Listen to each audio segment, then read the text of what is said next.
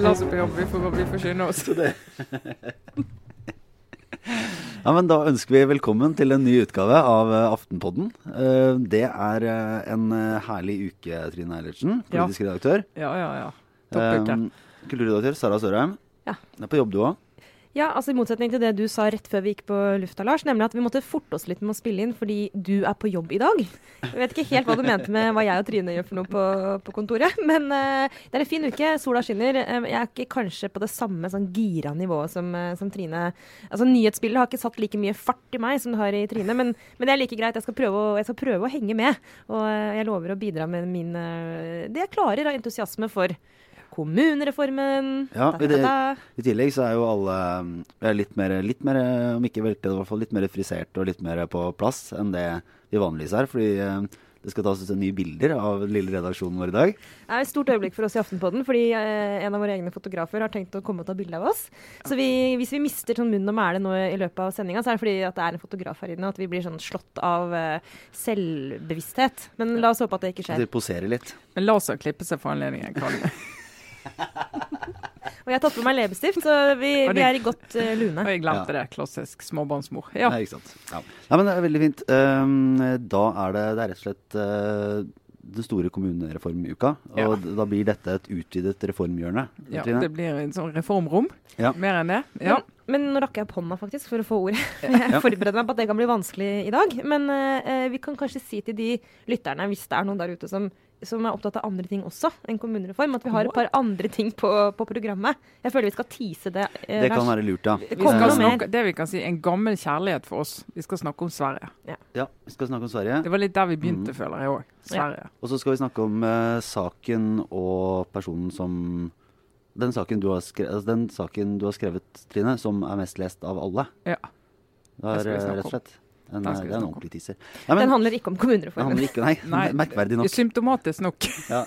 Men uh, skal vi se, dra et kort uh, riss for de som ikke har fulgt med. Uh, det var altså ble gjort klart at, uh, at eh, det skal gjennomføres en regionreform. Vi skal ned fra 19 fylker til 10 eller 11 regioner. Eh, og så skal det være en, altså Kommunereformen har fått sitt foreløpige mm, Sitt altså, foreløpige sitt crescendo, vil jeg si. crescendo, Det var, Ja. ja, veldig pent sagt. Eh, så det er da planen at det skal kuttes ned fra 428 kommuner til 358. Inkludert da 13 kommuner som tvangssammenslås med eh, naboer i forskjellige konstellasjoner. Mm. Og det er jo der en del av, eh, av altså konflikten har stått. Ja. Om det skal, hvem som skal tvangssammenslås, hvor, ja, hvor Ja, mye mye det lønner seg å samarbeide underveis, hvorfor. Um, og dette er jo det er et slags hjertebarn for deg, Trine. Ja, altså, Altså en kommunereformen som tema. kommunereform som tema og som sak, altså det, Ja. er jo, det har jo vært eh, politisk flertall for en ny kommunestruktur i Norge i 20 år eh, på Stortinget. Eh, men det har bare aldri blitt noe av. Og så kommer denne reformen, og så plasserer partiene seg på en skala og sier ja, vi starter med ja, vi er for reform og endring i strukturen. Så helt ytterst har du Senterpartiet og sier det, det må vi gjerne ha, men det må skje med initiativ fra kommunene, så det må de løse sjøl. Og så andre enden der du har eh, ja, Høyre da, som sier at vi må ha en endring i kommunestrukturen, men den må også styres litt sentralt, og vi må åpne for litt tvang, om nødvendig, for å få litt fart på dette her. Og rundt eh, Høyre der finner du KrF, selv om du ikke skulle tro det, de har glemt det. Eh, Venstre eh, og Frp selvfølgelig. Og Arbeiderpartiet lå jo litt i den enden av skalaen, men har flyttet seg nærmere Senterpartiet-skalaen. For mer enn selve reformen, så har jo det blitt eh, historien om tvang eller ikke tvang. Mm. Dessverre for reformen, egentlig, men eh, sånn er det jo. Hvis vi bare skal tilbake til eh, på en måte nullpunktet. For jeg forutsetter jo at de fleste som har vært innom Aftenpodden før, eh, kanskje har fått en liten dose med kommunereform. Mm. Men bare for å være litt basic. altså Hvorfor er det etter ditt syn, og da en del av, store deler av politiske Norges syn, en fordel å få færre kommuner? Nei, altså Færre kommuner er jo ikke det er jo ikke et mål i seg sjøl, men det som, eh, det som eh, vi har sett, og det begynte jo allerede på 90-tallet, da Arbeiderpartiet prøvde å initiere en om ikke en reform, så i hvert fall en ny struktur, eh, så sier de at nå begynner vi å få en del kommuner, særlig sånn kommuner, distriktskommuner med få innbyggere, eh, der innbyggertallet faller og faller og faller. Vet, de, en tredjedel av norske kommuner under 2500 innbyggere. En tredjedel? Ja, og fødselsoverskuddet i de kommunene har sunket med 60% siden 1965. Altså det blir født færre og færre barn? Færre og færre barn. I de ti største kommunene er fødselsoverskuddet økt med 20% i samme periode. Altså sammenlignet med den perioden. Så altså denne folkeforflytningen fra det grisgrendte strøk til mer sentrale strøk, og da snakker ikke vi Oslo nødvendigvis, men vi snakker Trondheim, men selvfølgelig Oslo òg. Bergen, Stavanger, altså alle de byene. Folk trekker inn og samler seg i større enheter. Det er det ene. Det påvirker liksom hele evnen til kommunen å løse en del oppgaver. Pluss det blir en veldig aldring i en del kommuner. Det sitter ganske mye gamle folk igjen, og ganske få unge folk igjen. Og Det gjør noe med en kommune. Så Det er jo en sånn endring. Andre er at infrastrukturen endrer seg helt i Norge. Mye bedre veier. Avstanden er i praksis blitt mye kortere. Så liksom det som var riktig på 60-tallet, at du har et kommunesentrum der for det er to timer å kjøre til neste, der er det nå kanskje en halvtime time å kjøre imellom. Sånn at du liksom må se på de. Og så er det jo hele denne utfordringen med ta Ta barnevern, ta psykiatri, ta rusomsorg, ta eldreomsorg. Der, altså Kompleksiteten i de tjenestene og behovet for å, å svare på det som de brukerne trenger, det blir mm. mer og mer krevende. Og En del kommuner har jo ikke egne fagfolk innenfor de områdene. Så samarbeider de med andre kommuner. Litt sånn komplekse samarbeid og interkommunale selskap og det ene med det andre på, på andre tjenester. Eh, og så er tanken at Hvis du slår sammen en del av disse kommunene, ta en kommune med 500 innbyggere og innlemmer i en kommune med 5000 innbyggere, så vil det gagne de som bor i den kommunen med 500 innbyggere. Du vil få bedre tjenester for alle sammen. Men dette er liksom, den føler jeg noe av eh, Og nå må jeg si føler jeg, for det tror jeg er utrolig riktig når det gjelder denne diskusjonen, at det er mye følelser. Men dette er noe av kjernen, da. Fordi Selvfølgelig så kan man argumentere for at jo flere folk, jo Det er akkurat som med fotball. Det er jo større land, jo flere talenter og jo bedre landslag. så, så, du kan tenke deg at jo bedre tjenester får du hvis kommunen har flere folk å velge mellom når de skal finne fagfolka sine. Men det går jo an å vri på det og si den sånn idylliske, perfekte Senterpartikommunen, som er bitte liten, men hvor du har alle tjenestene eh, samla i dette lille bygdesentrumet, så får du en nærhet til din egen kommune og en nærhet til folk som jobber der, som, som vil veie opp for at det kanskje ikke er liksom det vel at De som bor i små kommuner stort sett er vel så fornøyd som de som bor i større kommuner? Ja, de er mer, de er mer fornøyd. Altså Hvis du undersøker altså Difi, eh, Direktoratet for eh, Ja, Difi. Ja, nå kommer ikke farten på Difi, de, det vet vel alle men, hva betyr. Ja, men de, eh, de, de undersøker jo dette. Og folk som bor i små kommuner er fornøyde med tjenestene sine. Så, så hva er problemet da? Sånn. Men så er det en del tjenester, da. De veit ikke sitt eget beste. Nettopp. Nei, men jeg, jeg, tror det er helt riktig at de føler på en nærhet. Og Hvis du har uh, din mor på sykehjemmet, og du kjenner de som jobber på sykehjemmet og tar deg av henne, uh, du kan snakke med dem og liksom forklare sånn, og de kjenner din mors historie, og de liksom vet hva type hun er. og liksom En sånn følelse av De vet at, at du liker leverpostei og ikke kaviar? Ja, det er ikke du liksom. slipper henne inn i, et, i, en bygning som du aldri har vært i før, der du kjenner ingen som jobber der, og det er utskiftninger hele tiden. og Klart, jeg tror at det er en, en, annen opplevelse. Eller det er jeg helt sikker på at det er. Eh, men så er det jo en del da, brukere som du aldri spør. Hvem er det som intervjuer barnevernsbarna? Hvem er det som spør uh, de psykisk syke? Hvem er det som spør rusmisbrukerne uh, om de syns at de får uh, den behandlingen de, de, har krav på eller rett på? De vet jo ikke hva de har krav på engang, mange av de. Og så er det utrolig komplisert å si at de brukerne er mer fornøyd i små kommuner enn i store kommuner. Mm. Og så er det en, en del nærheter som ikke alltid er så positive. Hvis du bor i en bitte liten kommune, og når du skal på Nav, så er det ja, der sitter liksom kusinen til en i klassen. Ja som du skal snakke med. Altså For noen det er ikke alt som er så veldig enkelt med at det er så nært. Men altså, det har noe det, har det, er lettere, det, er lettere, å sette ord på de positive sidene ved den nærheten. og Det er lettere å se de positive sidene, og det er, eh, tilhengerne er tydeligere, da. Så det, det, gjør noe med den debatten, at de tingene som er en utfordring, er eh, kanskje litt vanskeligere å få tak i. Men så er det jo det der elementet som du var inne på nå også, Lars, med alt dette, som er det, altså, og her er jo du litt sånn motsatt av det du kan være når det gjelder den eh, by mot land-debatten, Trine. For det der, det der autoritære, litt sånn ovenfra ned-grepet som, som, som tvang du er veldig for her. for, for, tvang er, er, jo nettopp det. Det er autoritært. Og det er jo da, sitter jo da faktisk noen helt reelt i Oslo, for der eh, regjering og storting er, og bestemmer. Så det, liksom, det, er jo stikk i strid med ideen om at vi skal ha liksom, en, en, følelse av autonomi og, og, selvstyre også i distriktene her i, i dette det, landet. Det er jo litt av kjernen i konflikten her. da. Altså Skal en kommune der ute så sier det at vi klarer oss best alene. få lov å bare bestemme det. Greit, ja det kan de godt få lov å bestemme, men sånn som det har vært eh, til nå, så har de fått litt sånn økonomisk kompensasjon for å være liten. For når du er liten, så har du en mer krevende økonomi enn de store kommunene. sånn Mange av de store kommunene i hvert fall. Eh, sånn overføringssystemet, Inntektsoverføringssystemet gjør at du får litt sånn ekstra støtte. og Nå har jo eh, regjeringen de tar jo det vekk mm. for å presse de til å slå seg sammen. og Får masse kritikk for det og sier at da har det mange av de har egentlig ikke noe valg. Så det er ikke en reell frivillighet. Så det får de jo mye kritikk for. Men så er det jo, altså hva er tvang? Hvis du går på, på Fosen-halvøya i Trøndelag, der finner du Ørlandet og Bjugn. som har diskutert sammenslåing mange ganger. Uh, og De har hatt folkeavstemninger, og de har først vært for og så vært mot. og Først den ene kommunen for, og så andre kommunen for. Men så bestemte de seg for at de skulle ikke det. De har også fått en flybase som skal ligge på Ørland, uh, som er en svær statlig investering. Og hele, hele, begrunnelsen eller hele argumentet rundt det er at det krever mer av den kommunen enn den kan bære alene. Må, må tenke større. Og så er de uenige om hvor kommunesentrumet skal ligge. Mm. Uh, og det er jo, det er jo de enige om i reformen at når det er sånne ting som stopper en sammenslåing, så må du kunne gå inn for et overordnet nivå og overstyre det. Da kan du tenke deg at liksom, tvang, hvis man skal se det positivt, da, fungerer som en sånn problemløser. At vet du hva, dere kommer aldri til å bli enige. Nå, bare, nå kan dere skylde på oss. Det er litt sånn som når sjefredaktører eh, henter inn konsulenter for å hjelpe dem med liksom, å drive med nedbemanning, f.eks. For, for å kunne etterpå si sånn det var ikke mitt forslag. Eh, det var disse her suitsa borti McKinsey. Ja, det er jo, det er jo for øvrig en dødslinje for en redaktør å gjøre, så det må jeg aldri gjøre. Men, men det har skjedd. Men, altså, men, men, det er jo, men, ja. men det, også er det jo den andre grunnen til tvang. Du har uh, tre-fire kommuner som sier det at uh, vi har, vi har folkeavstemning, behandler i kommunestyret, vi har lyst til å slå sammen. Så er en kommune midt i der og sier nei, ikke vi. Det er sånn gallerne? Ja, ja gallerne. Og da, og da, har Stortinget sagt det, at da, da, åpner vi for det. Mente Arbeiderpartiet og inntil helt nylig at da, da, går det an å si at da, må de faktisk rette seg til. For hva, hva, er et flertall i den sammenhengen?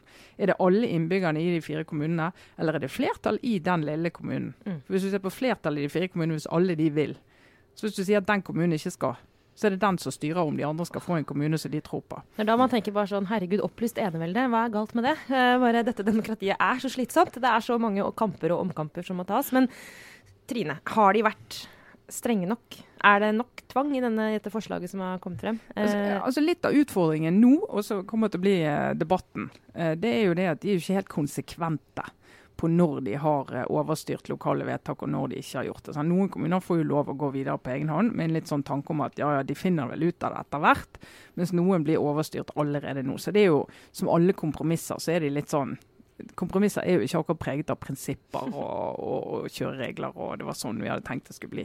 Eh, men det er 13 altså av veldig, veldig, veldig mange flere, så det er jo et lite tall for det første. Og så er det jo omtrent som de sa da, da de eh, vedtok at de skulle jobbe for denne reformen. Så KrF har jo hoppet av på slutten. Det er jo litt sånn fascinerende. For de har jo hatt eh, flere landsmøtevedtak på at de åpner for tvang. Men nå når det gjelder, så har altså KrF hoppet av. Det er litt KrF når det virkelig begynner å brenne rundt ørene. Så um, den type upopulære, upopulære vedtak vil ikke de være med på.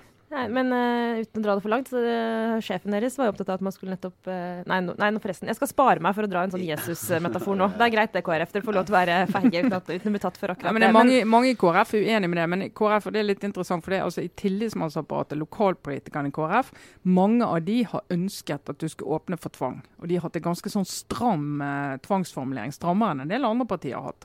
Uh, og han Geir Toskedal som uh, sto på pressekonferansen i går, typisk sånn representant for uh, en del av KrF, som sier at vi må ha reform. Vi må ha det i denne perioden. Nå kan vi ikke vente lenger. altså Næringsutvikling og regionutvikling og alt stopper opp hvis vi ikke får gjort noe med en del av disse kommunegrensene. Men velgerne til KrF vil ikke ha det. De vil ikke ha det, og de velgerne som ikke vil ha det, de går jo rett bort til you know where, Senterpartiet. Ja. Når de, eh, hvis KrF er for tydelig på det i praksis, akkurat sånn som det er nå. Men eh, er det nå En ting, du er jo åpenbart veldig for en kommunereform. Men er det Arbeiderpartiets kritikk blant annet av regjeringen er at det ikke er gjort på en spesielt god måte, og at det på en måte er et uh, dårlig håndverk? Og så er det spørsmålet om det er Har det kommet langt nok, eller er det er det gjennomført i stor nok grad eller uh, i for stor grad? Det var jo et, et, spørsmål En stund så var det spørsmål om man kom under 400. Mm. Nå har man jo klart betydelig mer enn det. Ja, det går mye lenger enn det de, de sterkeste kritikerne trodde for ett år siden. Eh, men og Arbeiderpartiet sin kritikk altså jeg tror en sånn reform altså Jan Tore Sanner går inn og, og skisserer en reform og sier at Stortinget blir med på dette. og Så blir det jo en veldig sånn Du skal prøve å unngå alle minene i minefeltet. Så det blir jo altså, veldig stor frihet hvordan det skal behandles lokalt. Og liksom Noen har folkeavstemninger, noen har ikke folkeavstemninger. Det er rådgivende folkeavstemninger. Noen folkeavstemninger lytter vi til, andre overkjører vi. Så det blir veldig sånn, Jeg tror mange der ute har følt at det har vært en veldig så uryddig, utydelig prosess. Så i en sånn ideell prosess så burde det jo vært helt tydelig hva som er alle trinnene i prosessen, og at det er helt likt overalt. At de lokale vet hva de skal forholde seg til. Uh, og kanskje er dette en prosess der men, men, du må jo også ta realiteten innover det. Hvis du hadde sagt det at vi skal ha 100 kommuner i Norge, vi skal ha 200 kommuner i Norge, Snakk sammen, finn ut av det. Så, så, hadde det blitt uh, mayhem. Men altså, hva skjer Norge, nå? Norsk politikk er veldig sentrumspreget. Altså Sentrumspartiene har stor makt i norsk politikk. Senterpartiet har stor makt over Arbeiderpartiet allerede, enda de ikke regjerer sammen engang. Og Høyre, KrF og Venstre har uh, stor innflytelse på andre fløyen. Og i det sentrumet så sitter du ikke på storting og regjering og sier til 458 kommuner at uh, her er det nye kartet. Men hva, men, eh, altså, hva skjer egentlig nå? de rekker jo ikke å lande dette her på en plass før valget. Gjør ikke det? Jo, altså de, de, rekker jo å komme med en Jan Tore Sanner han har jo tatt noe eh, det som samarbeidspartiene har gjort på Stortinget. Tar han med seg inn i sin proposisjon, som kommer før påske. Og kommer nok til å se ut omtrent som dette. Men Har de tenkt å få et vedtak i Stortinget før Ja ja, de og det, det, får de jo før sommeren. Sånn at den, dette gjelder. Uh, og Så kommer valget, og så sier de jo alle veldig nøye med å understreke denne uken at dette er bare starten. Mm. Uh, André Kjelseth fra Venstre han sa det at dette er startpunktet for kommunereformen. Underforstått vi skal jobbe videre. Og Det er jo interessant, for hva vil det si å jobbe videre? Skal du jobbe videre med frivillighet og si at nå oppmuntrer vi alle de som ikke har slått seg sammen til å snakke videre. Skal du presse på med sterkere sånn økonomiske insentiver og vri liksom, de her overføringene til kommunene, sånn at flere og flere føler at de ikke har noe valg? Eller skal du starte, lage en helt ny reform? Altså Hvis det blir regjeringsskifte, Senterpartiet kommer i regjering, Arbeiderpartiet kommer i regjering. Jonas Gahr Støre sa vi skal, vi skal, vi har helt en ny reform. Men hva skjer med deg inni der, liksom? Hvis, hvis, det nå blir sånn Nei, vet du hva, vi setter en strek over den reformen. Nei, vi begynner på nytt! Vi lager en helt ny reform. Men Får du liksom ME da, eller blir du bare glad fordi det blir enda mer Nei, de kommer jo ikke til å reversere reformen. Og mange kommuner har jo De fleste store flertallet av de som slår seg sammen nå, gjør det jo frivillig. Og så er det de der 13. snakk om om de skal få omgjort vedtaket til høsten hvis de ønsker det. Som Senterpartiet sier og Arbeiderpartiet sier, blir regjeringsskifte, så slipper Bjugn å slå seg sammen med Ørland. Eller kanskje Skedsmo slipper å slå seg sammen med Sørum? Ja, for der, Sara, du er jo et offer for kommunereform, føler du? Jeg er et offer. Jeg trekker nå herved offerkortet. Jeg har jo fram til nå vært veldig for altså Som våre faste lyttere kanskje har fått med seg, så har jeg litt sånn utålmodighet i møte med deler av lokaldemokratiet. Der har jeg en tendens til å bli bare utrolig irritert over disse Halvfascistisk? Det, var dine ord, men sånn, jeg får jo noen ganger sånn trang til å rydde i skuffen liksom, og si sånn Nå bare setter vi dette her forbanna kartet, det er kommunekartet. Og så bare lager vi det i kommunen, så blir vi ferdig med dette her. Orker ikke mer sånne eh, protester på den lokale Coop-en på et eller annet. ja. Og så vet jo jeg jeg vet jo at det der å sette seg ned og tegne et kart, det har aldri vært noen god idé. Verken globalt eller lokalt. Men jeg har i hvert fall tenkt at, det, at tvang må, må til, og at man bare må få gjort dette her. Så, så, sitter jeg her en kveld og aner fred og ingen fare, og så oppdager jeg da at Sanner legger fram et forslag, og der står det at min kjære kommune Skedsmo, faktisk en ganske kul kommune, beste kommunen på Romerike, eh, den skal slås sammen med, med Fett. Det er greit. Det, er, de, det ligger inntil. Du kan sykle bort dit. Men Sørum Sørum, der hvor bønda kommer fra. Det, altså Sørum, Orderud gård ligger på Sørum. Bare så, det, bare så, dere får et bilde i hodet. Unnskyld hvis dere hører på og kommer fra Sørum, men Eller fra Orderud gård? ja, hvis dere kommer fra Orderud gård, kan dere ringe meg og si hvem som skøyt, please. Men uh, alle dere andre uh, må bare skjønne at her snakker vi en sånn lokal by mot land-følelse. Vi som bodde på Skedsmo rundt Lillestrøm, vi var byfolk, tro det eller ei. De folka på Sørum, de er bønder. Og det er kjempebra, men de skal ikke være i samme kommune som oss. Og dette, har jeg, dette, dette her er utrolig usjarmerende, dette mm. jeg kjenner på nå. det jeg kan jo bare eh, dytte fram min egen søster, som egentlig gir fullstendig blaffen i, egentlig, i Norge, for hun har flytta ut for lengst og bor i Berlin. og er en sånn uh, millennial kid som er en sånn Altså, hun bor i by, og hennes identitet er at hun er urban. Ikke at hun er norsk, og hun har mer til felles med en som bor i New York, enn en som bor i, i Norge. Tror jeg hun tenker selv, eller føler selv. Men hun også, plutselig nå på min Facebook-side, i full fyr og flamme over dette med Sørum. Og eh, jeg vil si nesten det ble Om det ikke ble liksom Eh, jo, altså, det, jeg vil nesten si at det var full fyr i hele den debatten. Plutselig gamle eh, skolekamerater og folk jeg ikke har snakka med på årevis, som kasta seg på. Ingen vil ha Sørum. Og dermed så kjente jeg sånn Dette skal bli vanskelig. Så nå kommer jeg til å liksom, så- nilese Ja. partiprogrammer for å se hvem er det som kommer til å reversere eh, Sørum slå sammen med Skedsmo. Stole på Senterpartiet og, og Arbeiderpartiet. Hvis de ikke vil, så slipper de. Nettopp. Så Jeg, slipper lik- jeg de. liker bare da, det var sånn da du fortalte om det her litt tidligere, så skrev jeg Hæ? Er ikke du fra Skjetten? Jeg er fra Skjetten. Altså, Dette er så utrolig altså, Dette er så irriterende. Lars, du må lære deg. Jeg er fra Skjetten, som ligger i Skedsmo kommune, som ikke er i kommune med Sørum, Men det- men som er nesten i kommune med Oslo. Hvordan, For hvordan føles det når sitter folk i Oslo og ikke vet detaljer om, eh, om der du bor, og forholdet mellom Sørum og, og Skjetten? altså, nå, nå må jeg også si at jeg bor ikke der lenger.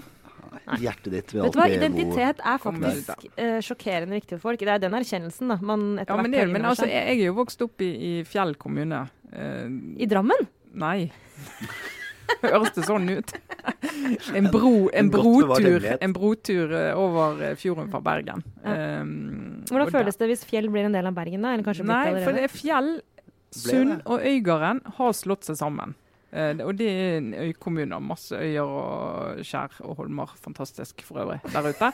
Eh, og de har slått seg sammen til en kommune. Og det, det er så riktig. Og jeg har null følelser knyttet til det. Jeg bare tenker, Det var på tide at det skjedde. Altså Være en sånn omegn-kommune til Bergen, det er jo sånn mange bor der og jobber på i byen. og ja. Og veldig, veldig eh, Jeg har ingen sånn følelser som du har med det, selv om Øygarden er langt unna. Tvangsekteskap kan jo være bra hvis foreldrene finner en bra, en bra partner, liksom. Men, eh, men eh, ikke, som regel ikke, da. Men Lars, da, til slutt. Hvordan går det med din Nei, eh. Bø i Telemark jo, skal jo slås sammen med Saura. Hvordan føles det? Nei, det er veldig fint, for Bø er klart størst og sterkest. Men du, det var jo en bra innfallsvinkel. Så da tenker du at i stedet for at For da kan dere liksom bare kjøre over kulturen på det andre stedet og bare tvinge Ja. alle til å bli bøværinger? Eller hva det heter for noe? Bøhæringer. Ja. Bøhæringer? Ok, det er det vi må tenke i Skedsmo også, da. Skedsmo vinner, liksom. Men- Fader, det vekker mye følelser her, altså. Vet du hva, jeg Ja, det, Norge er jo en befolket med rause folk. Det er jo åpenbart. det, det har jeg faktisk tenkt på. Hvis, Jeg får lyst til å si unnskyld til Sørum. Hver gang det blir sånn eh, det ligger an til streik innenfor en eller annen matvare eller melk, eller et eller annet sånt, da, bringer frem det beste i nordmenn. Da er det sånn Nå skal jeg på butikken og sikre at jeg og mine får. Jeg trenger det kanskje ikke, kanskje jeg må kaste det fordi det går ut på dato, men jeg skal ha alt. Ingen andre skal ha smør, bare jeg. Og der kommer de, vet du, solidarisk som bare, og tømmer skapet.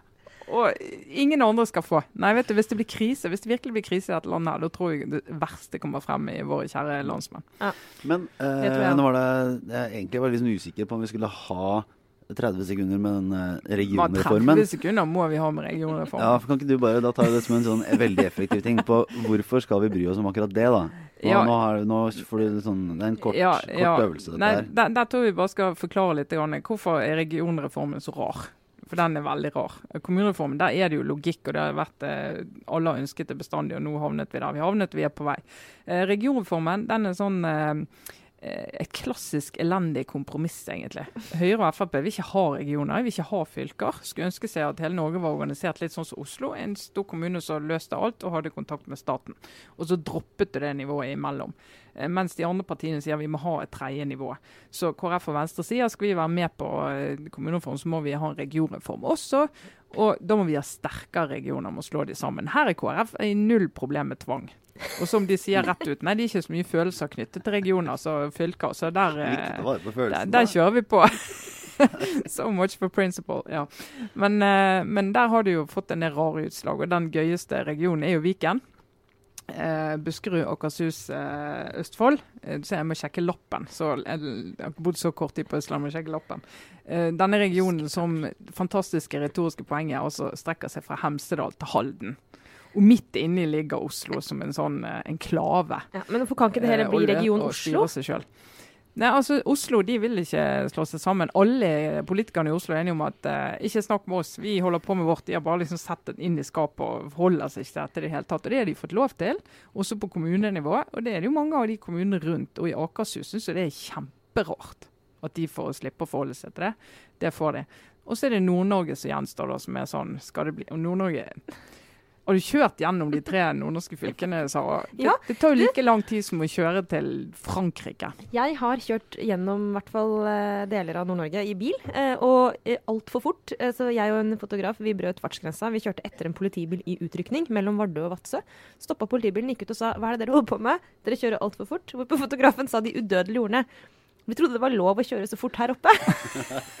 og da, da synes de så synd på oss. Underforstå, for det er jo ingen her. Nei, for dette er jo Ville Vesten. Det er jo ikke noen mennesker her. Det er bare endeløse lange veier. Og da fikk vi faktisk eh, ikke bot. Fordi jeg synes, de bare syntes så synd på oss. De sa bare vet du hva, bare kjør. Bare følg fartsgrensene, liksom. Og så dro de Oppfør videre. dere som folk. Liksom. Det var en digresjon, men Nord-Norge er jo Ja, Det er stort. Det, Det, det var poenget mitt. skal det bli to, eh, to fylker. Hvor skal det deles, og hvordan skal de gjøre det? Så Det er ikke de ferdig med.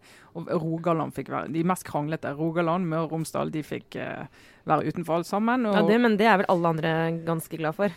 ja, men, men den er ikke ferdig, den reformen. Det er ikke oversiktlig hva oppgaver de skal få. Og litt av og jeg, Spørsmålet er om de overhodet får noen nye oppgaver når Høyre og Frp har ikke lyst i de oppgaver. Inni seg har de ikke lyst til, bare sier at de skal gjøre det. Og så er det sentrumspartiene som har på en måte i som en del av kompromisset sagt greit, vi tegner kartet, og så kommer oppgavene. Så den reformen der, den eh, tror jeg kan bli eh, ja, ganske Ja, det er en merkelig, merkelig sak. Jeg bare tenker på vi som har Vårt forhold til fylkeskommunen er egentlig gjennom Bård og Harald og masse tøys og tull med det tredje nivået, som ingen skjønner noen ting av. Tenker Dette her skal bli en sånn postmoderne, fin reise viser- gjennom helt ja. bisarre politiske viser det seg at politikerne de skjønner egentlig ikke mer av det, de heller. Bare, er litt nei, sånn som får kanskje ha det, da, siden du har et tredje nivå. Ja, men det er litt sånn som danskene som egentlig ikke forstår hver- hverandre. Jeg føler at Mm. dette er vår eh, Det er liksom det vi har her. Vi har et sånt system som ingen forstår hvorfor vi har, som bare skaper kaos. Men, men det er bra for oss, for vi kan jo, dette kan vi snakke mer om. Dette, Men ikke dette kjenner jeg at jeg syns er gøy, men ikke i dag. Ikke i dag. Nei. Nei, vi snakker ikke mer i dag om det. Ferdig med det. Men jo, vi må snakke om én ting helt til slutt. Bare sånn, Jeg trenger deg her nå, Trine. Er vi for eller mot regionreform? Altså I utgangspunktet for, men Ok. ikke, men ikke denne. Nei, Dette gikk ikke så sånn bra, som syns Arbeid, det er Arbeiderpartiets posisjon. Ja, der er jeg litt der, altså. Ja. Nei, men eh, vi, får, vi må gå litt eh, videre. Jeg jobber jo i dag. ja. Deg om det. Men nei, fordi vi skulle snakke litt om Sverige. Et, en, en, eh, egentlig har vært en grunnpilar i Aftenpodens eh, Ja. tidlige historie. Ja. Men vi har latt det gå litt, eh, rett og slett. Etter hvert som verden har tatt, eh, tatt over og, og reformene har kommet og gått. Men eh, nå var det denne uken så møttes jo litt eh, store ting. For, eh, for det var da Donald Trump som trakk fram Sverige i en tale på lørdag. Mm, last night in Sweden. Ja, der han kom og advarte. Um, og så har det jo egentlig bare spilt seg ut gjennom uka. Men her vil jo jeg da gå høyt på banen og forsvare uh, Donald Trump. Jeg syns det er flere ting ved hele den greia der som jeg mener er uh, helt skeivt. For det første så Altså, vi kan ikke drive og dekke Donald Trump på det detaljnivået hele tida. Nei, for det som jo skjedde var at han, de som mot formodning ikke har fått det med seg, at han kom med masse påstander om at det hadde skjedd et eh, eh, masse voldelige opptøyer, var det det? Eller var det Han, han, bare, han bare henviste til problemer i land Ja. som har hatt for høy innvandring og ikke hatt Ja, kontroll. og så sa han at uh, 'look at what happened last night in Sweden', Ja. eksempel. Og så ble det full krig fordi det skjedde ikke en damn shit uh, den kvelden i Sverige, som de fleste andre kvelder. Men det du mener da, Lars, er at den dekningen Dette ble jo en kjempestor sak, selvfølgelig. Uh, Ja, at, vi altså- ikke burde, at vi burde bare heve oss over sånt uh, ja, sånne typer kommentarer fra Ja, og så viste det seg jo at det var, det var en henvisning til selvfølgelig som er bisarro nok, da. Det var til en TV-reportasje på Fox News. sånt, så det, det hadde selvfølgelig Trump fått med seg og regna med at absolutt alle hadde sett. det, det er egentlig et kapittel for seg. Men det er bare Først er det sånn OK, en unøyaktighet på eh, på om det har skjedd et eh, altså Nå hører jeg seg litt teit ut, da, for unøyaktighet på om det har skjedd et terrorangrep. Eller tolka min verste mening på noe som er såpass smått. Hvis jeg bare tar oppmerksomhet fra alt, alt mulig annet. Ja, men dette er jo rett kniven rett inn i det dilemmaet når det gjelder dekningen av Trump. For egentlig så er jeg helt uenig med deg, Lars. Fordi selvfølgelig må vi dekke det når en president i USA sier helt direkte feilaktige ting om altså ting som skjer i andre land, eh, ting han åpenbart burde vite bedre om. Hadde det vært en alle andre presidenter, så hadde det vært en kjempesak. Og vi la, altså, vi må jo skrive om det, men Jo, men- samtidig så ser jeg hva du mener. For hvis vi dekker hver eneste sinnssyke ting han sier, så kommer vi jo aldri videre fra det. Da kommer vi aldri inn i kjernen av politikken hans. Ja, så mener jeg jo at, at det. det. det viste seg jo, det var jo en, sånn, en herlig postmoderne greie der. Det er bare virkeligheten kom og, og meg dagen etter. Så var, er det jo opptøyer i Stockholm. Og selvfølgelig etter at alle disse amerikanske pressefolka journalistene og fotografene har flydd inn da, eh, for å se hva som skjer, så er det på en måte voldelige kamper mellom, mellom kriminelle gjenger og politiet i gatene. Jeg tenker at av alle ting Donald Trump sier, så har han jo faktisk rett i at det er problemer i Sverige. Eh, Ja. Så hvis man skal begynne å misforstå ham på at det dreier seg om Altså tolke ham i absolutt verste mening, som at det har skjedd et eller annet konkret Ja, og så blir, blir reaksjonen litt sånn Nå skal vi vise hvor idyllisk det er i Sverige. Ja, og så har og vi det, i Norge også brukt er jo på Det selvfølgelig jo selvfølgelig morsomt å gjøre, men vi, vi har jo brukt masse tid på å snakke om eh, problemer i Sverige. Ja, fordi, men vi er sikre på at ikke det var Steve Bannon som begynte å kaste den første steinen borti på torget der i Stockholm. Liksom. Det var, for det var en sånn mindfuck av dimensjoner eh, som vi som er ødelagt av postmodernismen, som gikk på eh, Blindern i formative år og skulle lære om verden, og bare lærte at vi ikke kunne stole på noen ting, at det finnes ingen sannhet, og språket eier oss, og herregud, liksom. Det tok meg ti år av livet mitt å vikle meg ut igjen eh, av det og inn i virkeligheten. Og da ble jeg så jævlig sånn, unnskyld uttrykket, men veldig, det er bare altfor forvirrende at, eh, at det skjer sånne ting som du At virkeligheten kopierer en, fantasien til en gal mann. Eh, sånn, som, sånn som skjedde nå i Sverige. Det, det orker jeg nesten ikke å ta inn over meg. Det var for bisarro. Men når det er sagt eh, Sverige. Altså, vi har ikke snakket så mye om det fordi det har skjedd så mye annet i verden. Men det har jo ikke blitt det spor bedre, sannsynligvis. Sverige er jo Sverige. Ja, vi hadde jo en reportasje i forrige uke om Malmö, der det folk eh, drepes i stor, så stor rate at faktisk politiet ikke klarer å etterforske drapene. Ja. Det, er jo, det er jo reelt. Ja, det er om- innbyggerne i Malmö trygler om hjelp. Ja, uh, og- bare fordi altså, Trump påpeker det, så kan ikke vi drive og underslå det. Nei, det, men, men det er litt sånn Jeg ser Sylvi Listhaug eh, hun vegeterer jo veldig på disse sakene og Malmö og Stockholm og sier vi må forhindre at det blir sånn i Norge. Men altså, det er så langt fra at det blir sånn i Norge. Det er enormt stor forskjell på den problemstillingen i Sverige og i Norge. Eh, og det, det må ingen av oss la oss forlede til å tro noe annet. Men at det er problemer i Sverige på det området, det er åpenbart. Og så er- har du verdens bokstavelig talt mest unøyaktige statsleder. eh, som eh, veiver sammen terrorangrep i NIS og Brussel og Paris og alt sammen med Stockholm. Og nå er det ingen som skjønner noen ting. Men Det verste som kan skje nå, for så vidt da, er at alle strømmer, alle strømmer til å forsvare Sverige eh, mot eh, disse håpløse og feilaktige utsagnene fra Trump, og så blir det plutselig sånn at det politisk korrekte blir å si at det er ikke noe problemer i Sverige. Det er, det er faktisk det verste utfallet av dette. At man kan ende opp med at man blir selv blir blind for utfordringene der, fordi en man er så sterkt uenig med, eh, trekker de frem. sant? Det der er jo en sånn mekanikk som slår inn. det er jo polariseringens store Ja. problem. Det er at Der forsvinner alle nyanser. Og Ja. alle vanlige spørsmål er ikke mulig å stille, for da blir du kastet inn i en ende av, eh, av skalaen. Det er sånn som Innvandringsdebatten i Norge dessverre har vært preget av at enten, det er liksom, enten så er du med meg, eller så er du med terroristene. Det, det, er, det er virkelig det er kjempefarlig for ikke bare den offentlige debatten, men, men det gjør jo at ting kan skure og gå. Uh, og det er vel Nå er det litt sånn vel generalistisk å, å slå alle i Sverige over én kam, men du, det er klart at det er en utfordring der. At du har en veldig politisk korrekt uh, elite og offentlighet uh, som lukker øynene for en god del problemer. Eh, og det her, den her, dette er jo ikke løst opp i. Du Jeg har jo hørt litt på noen sånne Ja, ja, jeg, skal ja. Si, jeg vil jo faktisk eh, komme ut som ekstremt PK. Det er, Kong PK. ja, ja, det er eh, veldig, veldig politisk korrekt, faktisk. Ja, altså generelt, eller Gener- nei, akkurat nå? generelt. with, with pride. Generelt, egentlig. With pride. Med, med Ja. stolthet, egentlig. Jeg synes, uh, ja, Men så er jeg også fra sånn ironigenerasjonen, så det, det møtes av og til. Men eh, Så jeg har sittet og hørt litt eh, svenske podkaster og følger litt med, og jeg syns jo det er Jeg liker de der PK-mafiaene i Sverige litt, jeg. Du, du, har ikke, du har ikke begynt å si hen? Nei, men jeg har faktisk Jeg var skikkelig Men du har sympati for det? Ja, jeg har det. Jeg har begynt å, begynt å tenke at ja, men det er kanskje det er ikke så dumt, det. Hvorfor i all verden skal jeg liksom måtte kategorisere Jeg sitter og bruker ord man ikke vet. Så sitter jeg nå på desken og sånn Vedkommende må bruke, da. For ikke man, skjønne det? For ikke kjenne det. For det tenker jeg det er rasjonelt. Og da eh, mann, ja. mann er bedre, da. Mann har ikke Nei, mann ja. er jo å kjønne det, det faktisk. Mann Men- er jo ja, men mann er jo Ja, med en N. Ja. Ja, nei, men så Selv om det er med én n, så, så, så er det et Det er liksom et uttrykk som er opphav i at uh, okay, i en maskulin aktør. Men, Men, du hva, eh, Lars, dette er litt jeg- jeg ille. Ja, nei, men jeg syns det er veldig så også, Jeg synes det er fascinerende den eh, litt sånn intellektualiserte, litt sånn elitistiske PK-debatten i Sverige. da, For de faktisk tegner en De setter det inn i en kontekst som gjør det mulig å diskutere, og har mye mer, eh, mer rom for å, for at faktisk, når man ikke er helt eh, gal og, og lukka, da, så kan man liksom ta det opp og se. Og det er mye sånn bredere spekter. da. Og Jeg synes det er fascinerende et teoretisert forhold til en del ting som vi i Norge er litt sånn Ja, men det er da bare sunn fornuft, eller kan det være så nøye? Så har de så jeg bare, bare en kort anbefaling midt i, så har jeg hørt både på den Lilla Drevet, som er, eh, som er veldig, veldig god, en podkast. Og de har også en som heter Februaripodden, der det sitter to sånne PK-svenske sosiologikomikere Å, og diskuterer. Og så er Sara bare, og bare Nei, men jeg tenker stolen. liksom Det er mulig jeg og Trine må inndra retten din til å høre på podkaster, øh, faktisk. Det er litt sånt jeg går og tenker på nå. Men det er mulig det skulle ta en medarbeidersamtale, Ja. Lars. Ja. Så, nei, men, så jeg, jeg slår et slag for dem, ja. Tross alt. Tross alt dette andre. Tross at Trump har rett.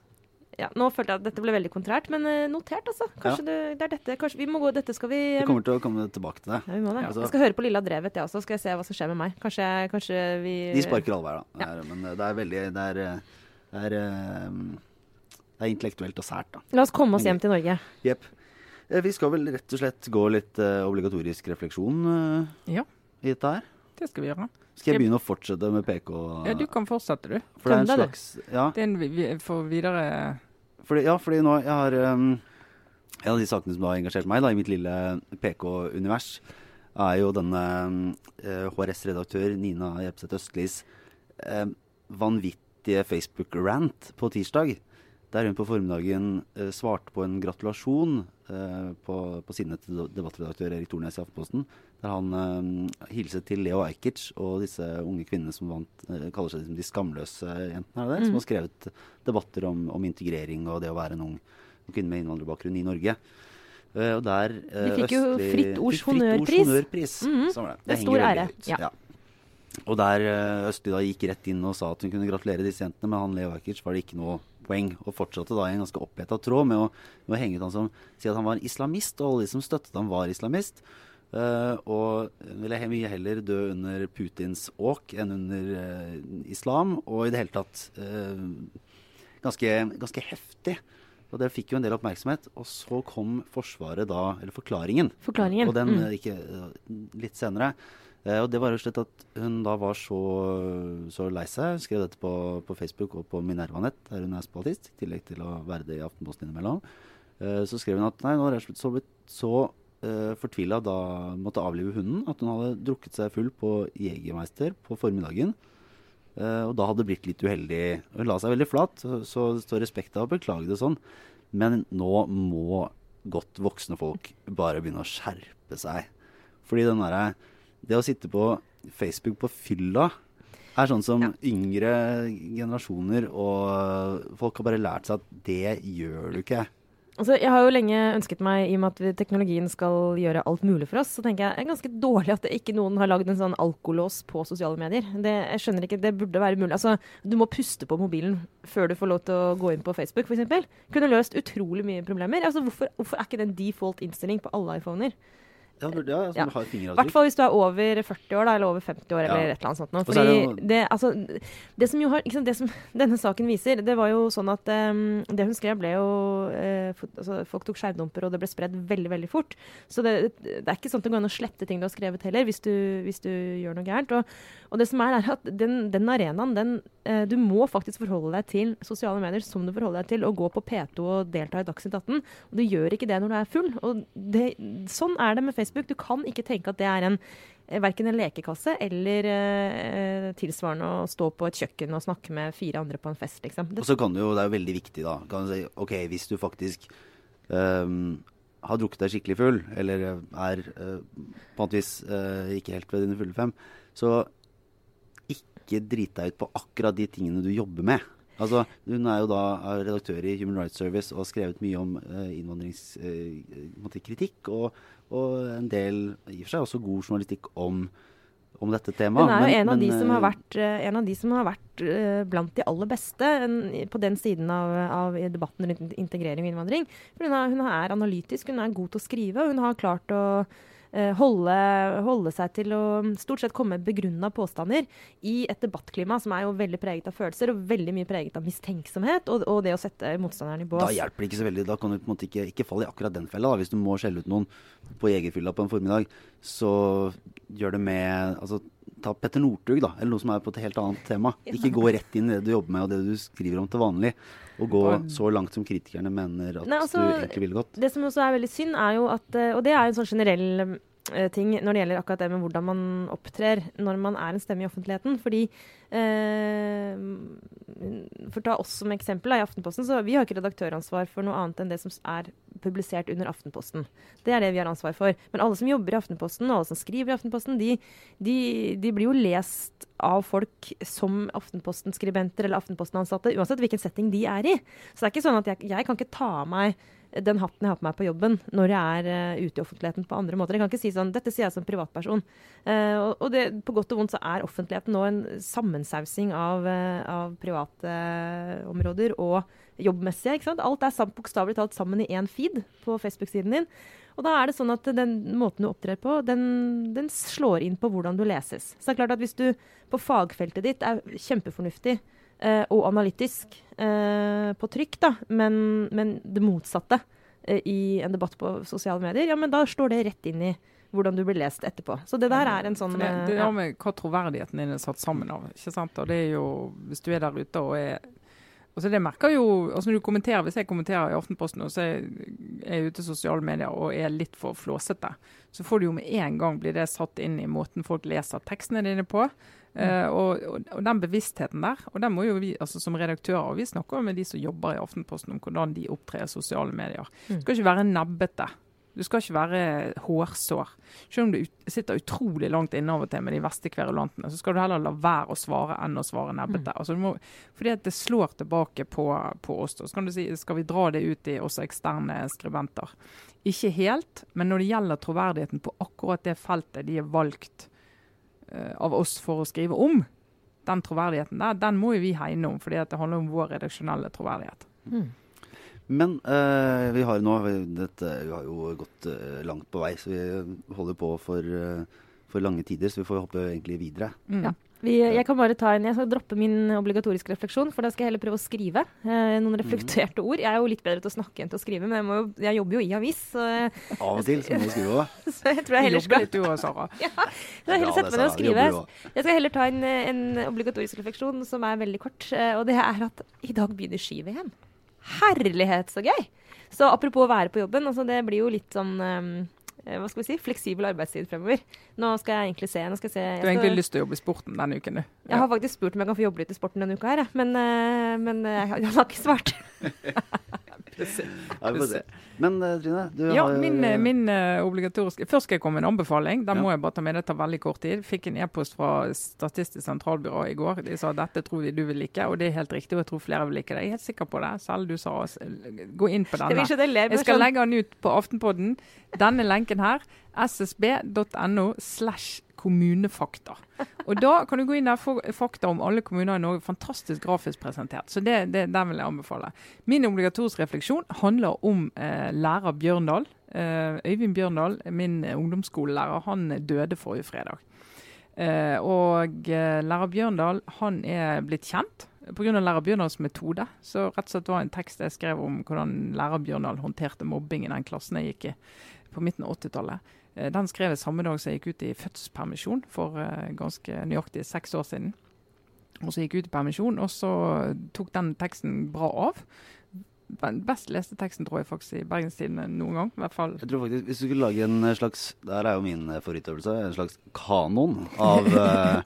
av eh, norske avistekster. Så vil den eh, være med. Ja, det, det kan godt hende. Alle har jo- lest den. Og hvis Ja. ikke du har lest den, så må man gå inn på vår eh, Facebook-side, og så skal man lese den der. Ja, det kan vi gjøre. Og den, eh, den, eh, Da skrev jeg sett om en fortelling fra ungdomsskolen. Da han eh, grep inn i en mobbesak og sa til oss eh, i klassen at eh, dere er de mest ressurssterke. Nei, det er ikke dere som mobber, men hvis ikke dere bruker den makten dere har over de andre til å stoppe det, så må dere skamme dere. Mm. Det gjorde han. Nå døde lærer Bjørndal. Han var jo en fantastisk lærer på alle måter. Eh, den teksten har reist rundt i Norge. Eh, blitt satt opp som teater. Eh, veldig fascinerende. Altså, jeg, det er jo historien som er, som er saken her. Eh, Lærer eh, Bjørndal, Øyvind Bjørndal han, fikk, eh, han ble syk på 90-tallet, så han har ikke vært aktiv i samfunnet siden det. Eh, Men han har fått det med seg, og han har vært eh, stolt og glad. Eh, Og han begraves fra Mariakirken i Bergen i morgen. I morgen fredag. I morgen fredag. Eh, og da tar jeg også Jeg skal reise over òg eh, og ta farvel med en av de mest eh, Ja, en av de lærerne som har satt sterke spor i min skoletid. Men òg som hadde en metode som har vært, blitt brukt i diskusjoner om mobbing og problemstillinger i klasser og idrettslag. har jeg fått tilbakemelding om i hele Norge. Så det han har gjort og det han sto for, det, det står igjen. Og det er på en måte en helt vanlig mann, en helt vanlig lærer. Og på mange andre måter overhodet ikke. Så jeg vil si takk, Øyvind Bjørndal. Men det er eh, bare helt, helt til slutt. Trodde du at den skulle bli lest da du skrev den? Var det sånn OK, nå har jeg en dette her kommer til å treffe? Nei, vet du, det, det var interessant, eh, interessant at du spør. For jeg gikk jo med den historien. Jeg har jo hatt den, gått med den i alle år, så jeg tenkte jeg må skrive om den en dag. Men så tenkte jeg litt sånn som vi ofte tenker at nei, jeg må ha en rapport, jeg må ha en mobberapport, jeg må ha noe statistikk. knagg, et eller annet, liksom. En knagg Mm. så jeg kan henge det på. Og så tenkte jeg nå skal jeg ut i permisjon, jeg er vekket og jeg må bare få skrevet det. Så jeg skrev det faktisk på et par timer. Eh, leverte det til min gode kollega og nå avdøde Sjur Holsen, eh, politisk redaktør i BT den gangen. Han leste det og sa eh, nei, men vi bare kjører den akkurat sånn som han er. God permisjon. og så dro jeg. Og da, eh, så den hadde jo klangbunn hos andre. Mm. Martin, nå synes jeg er fin eh, avslutning av dagens episode også. Det er liksom en ektefølt og ikke-ironisk takk til de flinke lærerne der ute. For jeg vet eh, Jonas Gahr Støre har skrevet en bok som heter 'Å gjøre en forskjell'. Og vi i mediene tror at vi kan gjøre en forskjell gjennom å synse og mene og skrive ting. Men det er klart at det er de virkelig gode lærerne Jeg tror alle vi nå kan sitte og tenke på sånne, sånne lærere, hvis man har vært så heldig å vært borti noen sånne i livet sitt. De gjør faktisk en forskjell, som, eh, som gjør at jeg tenker at all ære til dem. Eh, man kan bli litt sånn matt noen ganger av skolepolitikk, men lærerne de uh, syns jeg vi skal, vi skal sende et nikk til dem alle Mm. sammen. jeg. Absolutt. Men eh, da avslutter vi egentlig bare med å med litt sånn oppfordring om å eh, lese det vi har snakket om eh, som er relevant, på Facebook-siden. Eh, og så kan man eh, abonnere på Aftenposten eh, via vårt lille podkasttilbud, Mhm. som er aftenposten.no slash podden. Eh, og så kan man gå inn på iTunes og så gi en eh, sånn stjernerating, eller si, eh, skrive en eller annen, noen små ord om eh, Da blir hva vi man syns. Da blir vi veldig glad. Ja. Vi leser alle sammen. Vi leser, og det, også de som ikke bare roser. Det er lov Ja. å skrive akkurat det man vil. Vi leser alt det som står på Facebook-siden også av innspill. Ja. eh, for øvrig. Men uh, takk for i dag, Trine Eilertsen, Sara Sørheim, jeg er Lars Klomnes. Og så er vi tilbake neste uke. Ja. Ja. Ja. Det er vi. Ha det bra. Thank you.